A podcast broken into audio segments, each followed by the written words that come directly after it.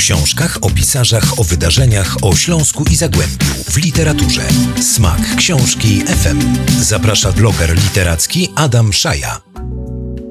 Dzień dobry Państwu w tę kolejną letnią niedzielę 9.20, a to znak, że porozmawiamy o literaturze, że porozmawiamy o książkach, to znaczy ja będę do Państwa mówił, a Państwo będą słuchać i mam nadzieję wyciągać też wnioski, to znaczy uzupełniać swoje prywatne, domowe biblioteczki albo zasysać książki na czytniki, bo okres urlopowy, więc czytają Państwo pewnie w różnych okolicznościach przyrody niepowtarzalnych. Dziś o dwóch sprawach, jak zawsze zresztą.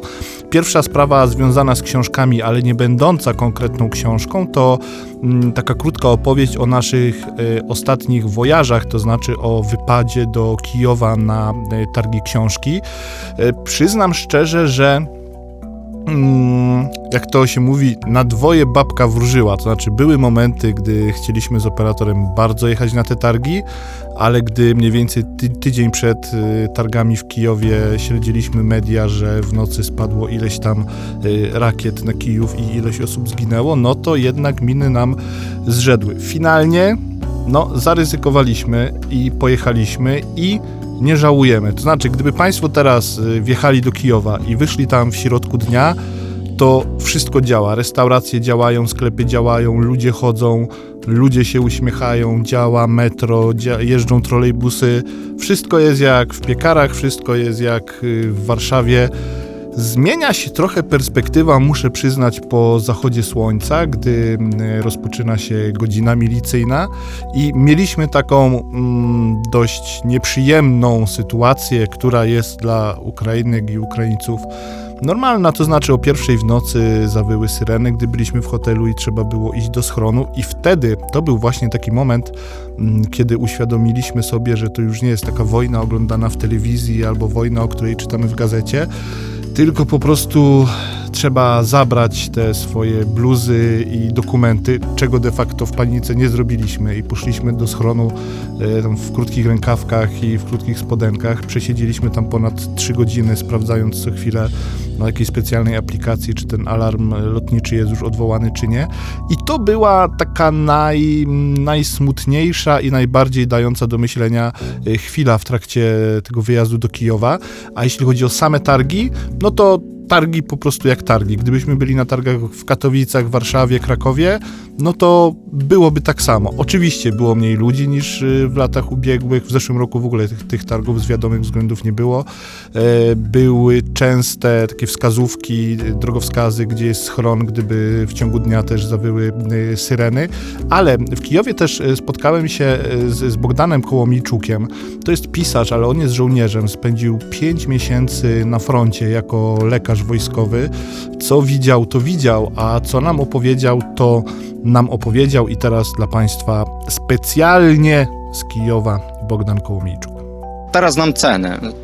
Cenę tego pokojowego życia tutaj w, w Kijowie, w Europie i bardzo dobrze wiem zdaję sobie sprawę, o co walczymy. Żyję teraz i tutaj, to, to, to póki co takie moje credo. Doceniam to, to, co mam, doceniam, że, że żyję, doceniam, że żyją moi koledzy, że moje, żyje moja rodzina. No i naprawdę nie, nie, nie patrzę póki co przyszłość. Mam nadzieję na szybkie zakończenie tej wojny, mam nadzieję na zwycięstwo naszego wojska. Co tobie najbardziej utkwi w pamięci z czasu, kiedy byłeś tam na froncie, kiedy byłeś bardzo blisko? Czego nigdy nie zapomnisz? Oczy moich, e, e, moich pobratymów, oczy e, miejscowych, ludzi, którzy mimo wojny nie opuścili swoje mieszkania. Te zrujnowane, zrujnowane budynki, te zrujnowane ulicy, kompletnie zrujnowane e, cały, cały układ życia na, na Donbasie. E, właśnie te, te całe okrucieństwo, którego świadkiem byłem i kto wie jeszcze może będę, bo wciąż jestem żołnierzem armii ukraińskiej. Wojna jest okrutna, wojna jest brzydka i z bliska to wygląda jeszcze gorzej, niżeli z telewizji. E, wojna pozbawiona, pozbawiona tej em, romantyki, tak, o której może, może czasami czytamy w książkach, w powieściach.